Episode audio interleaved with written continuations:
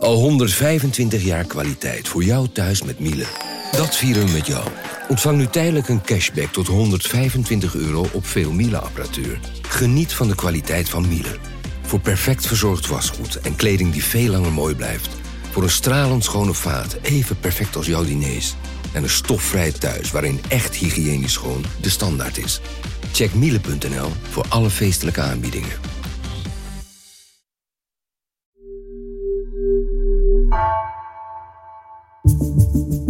Vanaf de redactie van NRC het verhaal van vandaag. Mijn naam is Misha Melita.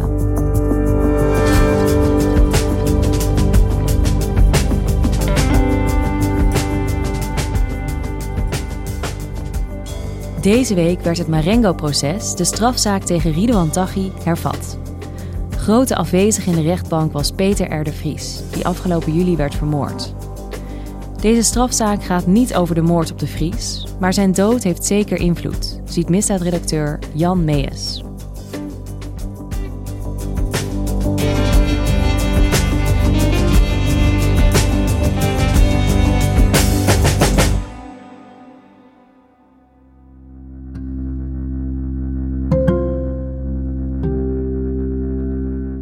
Dinsdag was dus na die hele wilde zomer weer de eerste dag dat het Marengo-proces verder ging. De verbinding is inmiddels tot stand gebracht, dus we kunnen beginnen. Nou, de afgelopen dagen waren eigenlijk wel bijzonder in uh, de Marengo-strafzaak. De zaak rond uh, hoofdverdachte Ridwan Taghi. En uh, dat was bijzonder omdat er één man ontbrak. En die man, dat is misdaadverslaggever Peter de Vries. Die in juli uh, is neergeschoten en uh, ruim een week later is overleden. En hij was tot zijn dood de vertrouwenspersoon van de kroongetuige in die strafzaak, Nabil B. En uh, Peter is de derde persoon rond die kroongetuige die in de afgelopen jaren is vermoord. Dus in eerste instantie was het de broer van Nabil, Redouan. Daarna zijn advocaat, Dirk Wiersum. En nu dus Peter R. de Vries. We gaan vandaag verder met de behandeling van de zaak Marengo. En dit is de eerste zittingsdag waarbij de plaats van heer de Vries leeg zal blijven. En Jan, de afgelopen twee dagen was jij daar in de extra beveiligde bunker in Osdorp. Hoe was het daar? Nou goed, toen de rechtszaak dinsdagochtend werd heropend, want zo heet dat dan formeel. Dus dan gaan we verder waar we gebleven waren de vorige keer. Uh, nou, wat natuurlijk onvermijdelijk was, is dat de rechtbank even stilstond bij de dood van Peter R. de Vries. Uh, voordat we van start gaan met de zitting wil de rechtbank stilstaan bij het gewelddadige overlijden van Peter R. de Vries. De aanslag op hem en zijn dood hebben ook ons geschokt. En uh, daarna uh, deed ook het Openbaar Ministerie dat. En ook Onno de Jong, de advocaat van Nabil B., die ook zeg maar, zijn gevoelens uitte over de dood van Peter. Een man met wie hij natuurlijk een hele periode heeft samengewerkt aan de verdediging van de kroongetuigen. Het is de derde moord op een aan de kroongetuigen te relateren persoon in wat inmiddels de meest trieste reeks is geworden in de geschiedenis van het Nederlandse strafrecht. Dat is wel zo'n moment dat je in één keer ja, realiseert, hij is er echt niet meer. En als je daar, ja, als ik dan nu terugkijk naar de afgelopen dagen en dan merk ik toch dat dat dan weer het moment is dat, je, dat het je raakt, zeg maar. Dat je, dat je realiseert, ja, het laatste contact wat je met hem hebt gehad en dat dat ook echt de laatste keer is geweest. Dat is zeg maar wat er dan gebeurt. Uh, de rechtbank heeft ook van andere raadsleden in het OM gehoord dat zijn dood daar hard is aangekomen. Ik kende Peter redelijk goed. Uh, en nou, de vraag was, toen we daar allemaal voor het eerst in die zaak zouden zijn, ja, wat betekent het dan dat die markante grijze, inmiddels grijze, uh, kop van hem er niet meer is? En dat hij niet in dat perszaaltje gaat zitten. En dan uh, uit zijn tas wat stukken pakt, een computer en uh, ja, zijn zakje krentenbollen, wat hij heel vaak bij zich had. en dat je dan niet dat knikje van herkenning krijgt van hé, hey, ben je er ook weer? En de vraag is, hoe gaat het proces verder en hoe gaat iedereen hiermee om vandaag? Ja, de moord op Peter R. de Vries heeft veel indruk gemaakt, ook in de rechtbank, dat kan ik me voorstellen. Maar het Marengo-proces gaat niet over die moord. Waar gaat het Marengo-proces ook weer over? Nou, de, de feitelijke behandeling van de strafzaak Marengo is begonnen in maart van 2021. Want vandaag start in de bunker in Osdorp de inhoudelijke behandeling van het Marengo-proces. Het Openbaar Ministerie ziet Ridouan Taghi als de hoofdverdachte. Hij zou volgens het OM een geoliede moordmachine hebben geleid. Het is de grootste Nederlandse strafzaak ooit. We hebben 17 verdachten. De hoofdverdachte is Ridouan Taghi. Ehm, er zit een kroongetuige bij, dat is Nabil B. En dan heb je nog 15 andere verdachten. En zij worden met z'n allen verdacht van het lidmaatschap van een criminele organisatie. En die mensen zouden betrokken zijn, direct of indirect, bij het plegen van zes moorden. Uh, in de periode tussen uh, september 2015 en begin 2017. En daarnaast nog het voorbereiden, dan wel plannen uh, van een serie liquidaties die mis, is mislukt of niet zijn uitgevoerd. En nou, gezien de omvang, het aantal verdachten en het aantal strafbare feiten wat op de dagvaarding staat, is dat de grootste strafzaak die we uh, in Nederland uh, hebben gehad. En deze zaak liep al voor de zomer. Toen is er mm. zomerstop geweest. En nu, deze ja. week, was het uh, een tussentijdse zitting. Hoe ja. ver zijn ze gekomen voor de zomer? Waar zijn ze gestopt? Nou, van het voorjaar zijn we eindelijk begonnen met de, met de aanvang van de inhoudelijke behandeling. En dat bestond uit het behandelen van vier van de zes moorden. Uh, en nou, het behandelen van die moorden, dat ging eigenlijk ontzettend snel. En dat heeft te maken met het feit dat vrijwel alle verdachten zich beroepen op een zwijgrecht. Maar goed, de feitelijke behandeling begon eigenlijk met een aantal dagen de kroongetuigen te horen. Uh, gewoon in het algemeen. En dat heb je natuurlijk nodig om te kunnen beoordelen van is wat hij zegt eigenlijk wel waar? Is dat betrouwbaar? Is dat geloofwaardig? Kunnen wij daar aan zijn woorden waarde hechten als het gaat om bewijs? En kunnen wij eventueel op basis van zijn verklaringen mensen 30 jaar celstraf opleggen. Of misschien wel levenslang opleggen. En dus dat is belangrijk. Nou, daar, daar begon het allemaal mee. Dat ging eigenlijk vrij goed. En op een gegeven moment, zo ergens halverwege, toen kondigde hij in één keer aan: ik stop met verklaren. En uh, nou, toen, toen. Hij zei gewoon: ik praat niet meer. Hij, hij wilde niks meer zeggen. En dat, heeft hij, dat hebben zijn advocaten toen toegelicht.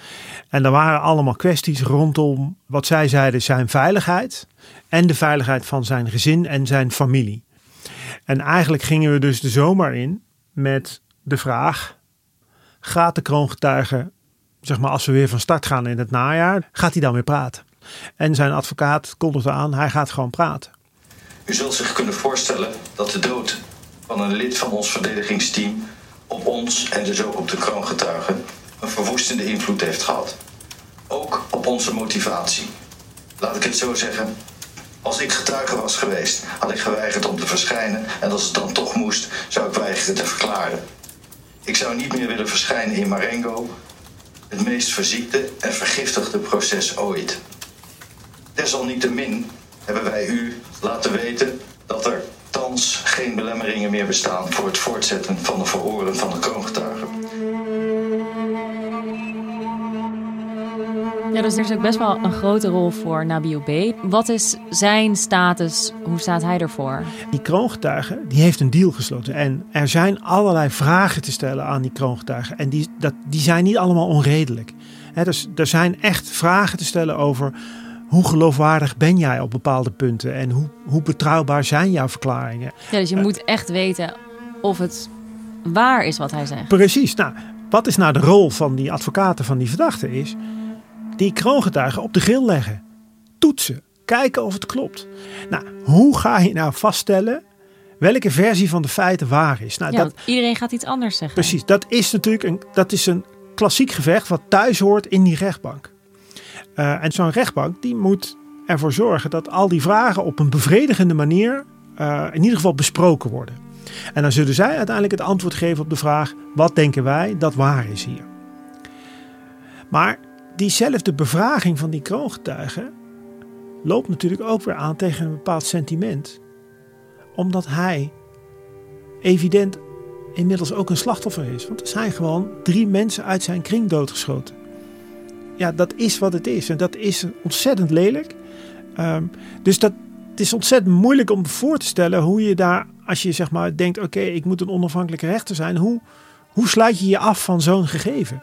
Dat Ja. is gewoon heel complex. Dat, en de, ik kan me niet anders voorstellen dat die rechters daar ook enorm mee moeten worstelen. Ja, die drie moorden hangen boven dit proces. Ja. En tegelijkertijd zitten we ook nog in het proces van erachter komen hoe betrouwbaar is deze Nabil B. Wat Ja. moeten we met wat hij zegt? Precies. En dus op dagen als we deze week hebben gezien, dan is dat de clash. Dus die spanning die je de hele tijd voelt en ziet, dat is dus wat er zeg maar onder ligt. Het is tijd om alle betrokkenen het vertrouwen te geven dat de rechtsstaat zich niet laat intimideren. Maar juist in dit proces, hier in deze rechtszaal, hier moet dat worden getoond. Wat voor de rechtbank deze zaak zo ingewikkeld maakt, denk ik, is eh, er is een soort van olifant in de kamer. En dat is namelijk dat er zijn drie mensen die die kroongetuigen goed kennen of bij hebben gestaan vermoord. En wie de opdrachten voor die moorden heeft gegeven, dat weten we allemaal niet. Maar tegelijkertijd is het natuurlijk onmiskenbaar zo dat eh, Nabil B. belastende verklaringen heeft afgelegd voor Ridwan Taghi. En het ontzettend moeilijk is om niet te denken, heeft dat, hebben die moorden iets te maken met het feit dat hij belastend verklaard heeft. Justitie en politie hebben uitgesproken dat in een van de scenario's Taghi als opdrachtgever wordt gezien. Daarmee zeggen ze nog niet, hij is het. Eh, maar ze houden rekening met de mogelijkheid dat. En voor die rechtbank is dat ontzettend ingewikkeld, want in de strafzaak Marengo staat Taghi terecht voor zes moorden.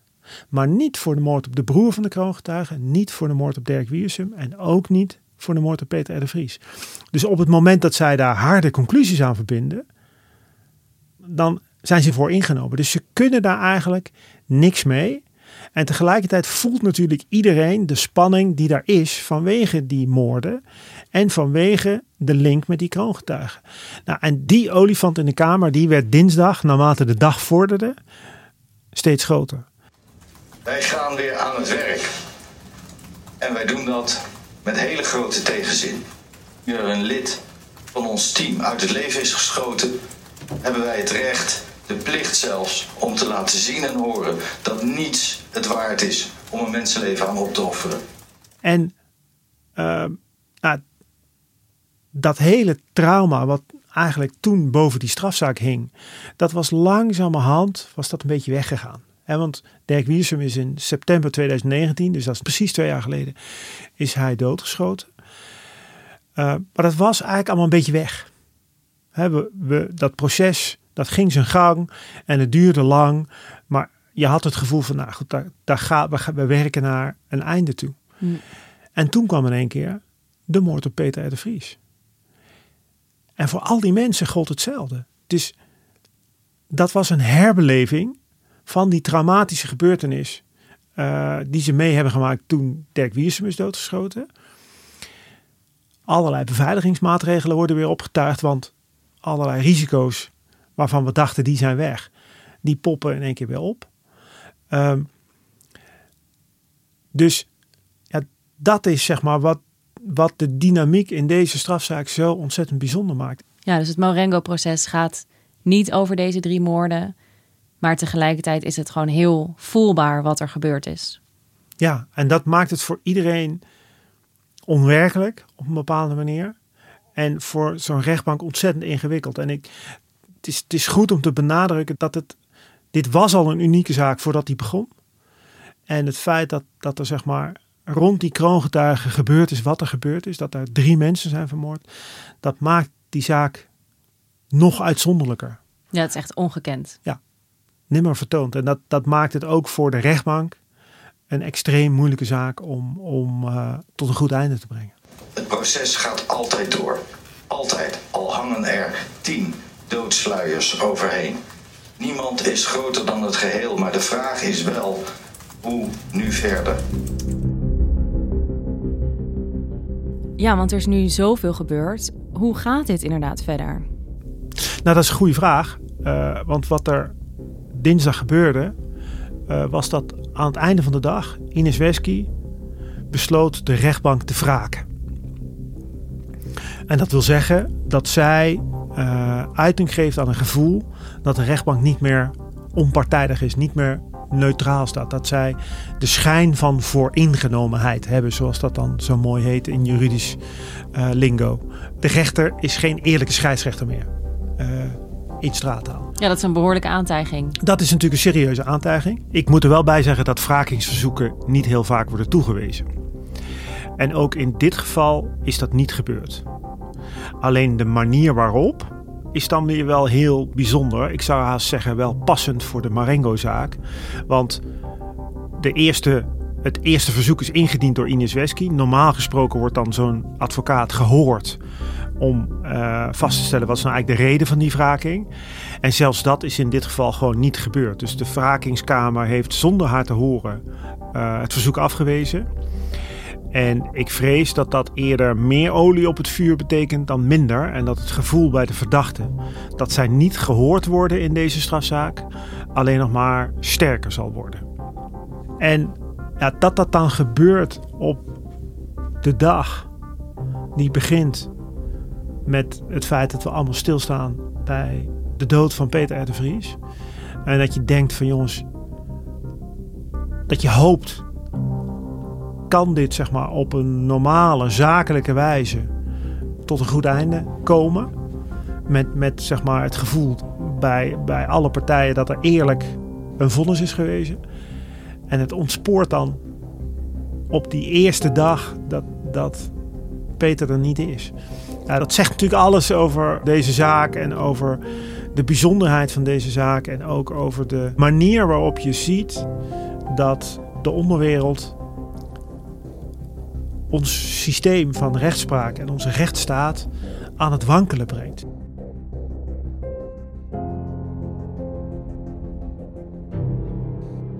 Dankjewel Jan. Graag gedaan.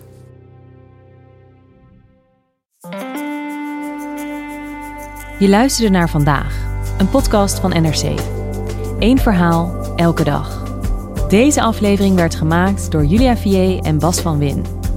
Altijd al willen weten hoe vandaag gemaakt wordt? Op vrijdag 24 september vertellen makers van deze podcast er alles over op het Podcastfestival. Kijk voor meer info op www.podcastfestival.nl. Dit was vandaag, morgen weer.